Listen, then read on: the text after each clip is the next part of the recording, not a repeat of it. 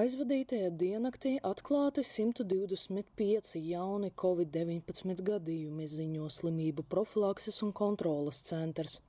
Mīris viens cilvēks vecumā no 80 līdz 89 gadiem.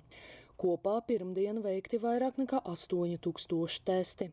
Pozitīvo gadījumu īpatsvars 1,5%. Slimnīcā nonāca 12 pacienti ar covid-19. Kopā stacionāros ārstējas nedaudz pāri 200 pacientiem, no kuriem 40 ir smagā stāvoklī. Tāpat kļuva zināms, ka pagājušajā nedēļā ir atklāti 26 jauni delta jeb Indijas varianta gadījumi.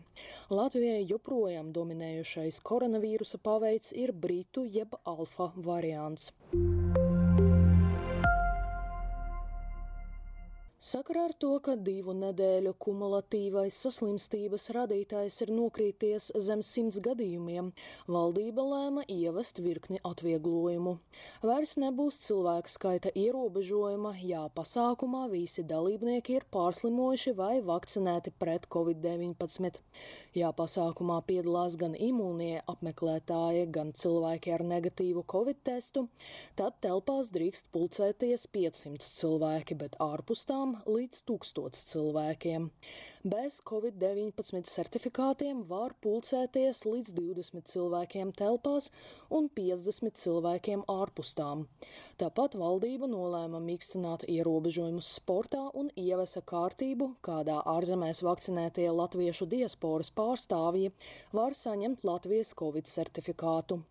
Lēmumi būs spēkā no rītdienas, 23. jūnija.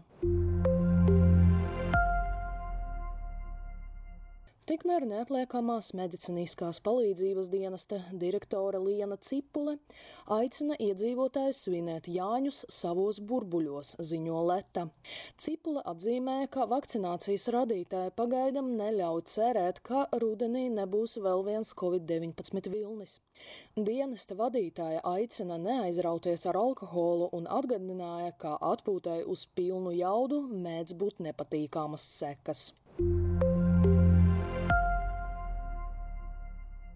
Pirmo reizi bērnu nometnē konstatēts covid-19 pērēklis valdības sēdē pastāstīja epidemiologs Jurijs Pirjevoščikovs. Divās grupiņās atklāti četri saslimšanas gadījumi.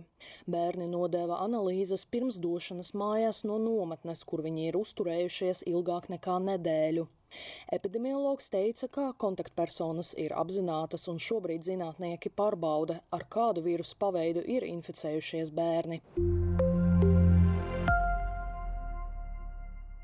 Lidostā Rīga veiktā Covid-19 testa rezultātus varēs sagaidīt pašizolācijas vietā.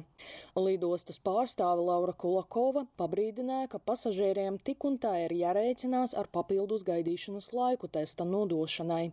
Lai pātrinātu procesu, testam var pieteikties Gulbija laboratorijas mājaslapā un turpat attālināti apmaksāt šo pakalpojumu. Tāpat lidostas pārstāve pabrīdināja, ka dokumentu pārbaude tagad aizņem ilgāk ilgāku laiku nekā iepriekš. Līdz ar to ir ieteicams ierasties lidostā laicīgi, vismaz divas stundas pirms izlidošanas. Vakcinācijas projekta nodaļa aicina atlikt vakcināciju pret covid-19, ja cilvēks slikti jūtas karstuma dēļ. Pierakstu var mainīt mājaslapā mānavakcīna.lv, pa tālruni 8989 vai sazinoties ar ārstniecības iestādi. Covid-19 dienas apskatu sagatavoja Ksenija Kaļiesņikava, portāls Delfi.